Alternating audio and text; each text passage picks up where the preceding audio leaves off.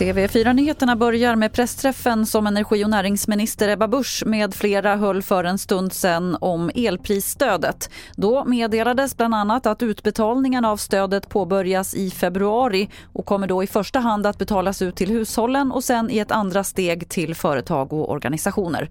Mer från den här pressträffen finns på tv4.se. Sveriges utrikesminister Tobias Billström säger att det gjorts framsteg i NATO-samtalen med Turkiet. When all the conditions laid down in the trilateral memorandum has been fulfilled, we will see the ratification of the, uh, the Turkish parliament come true. I'm now planning a trip to uh, Turkey, to Ankara, to meet with my fellow foreign minister Mevlut uh, Cavusoglu.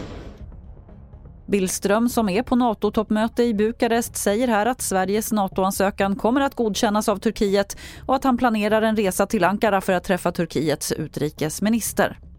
Till sist kan vi berätta att flygbolaget SAS redovisar en förlust före skatt på 1,7 miljarder kronor för fjärde kvartalet. Förra året låg den siffran på 744 miljoner kronor.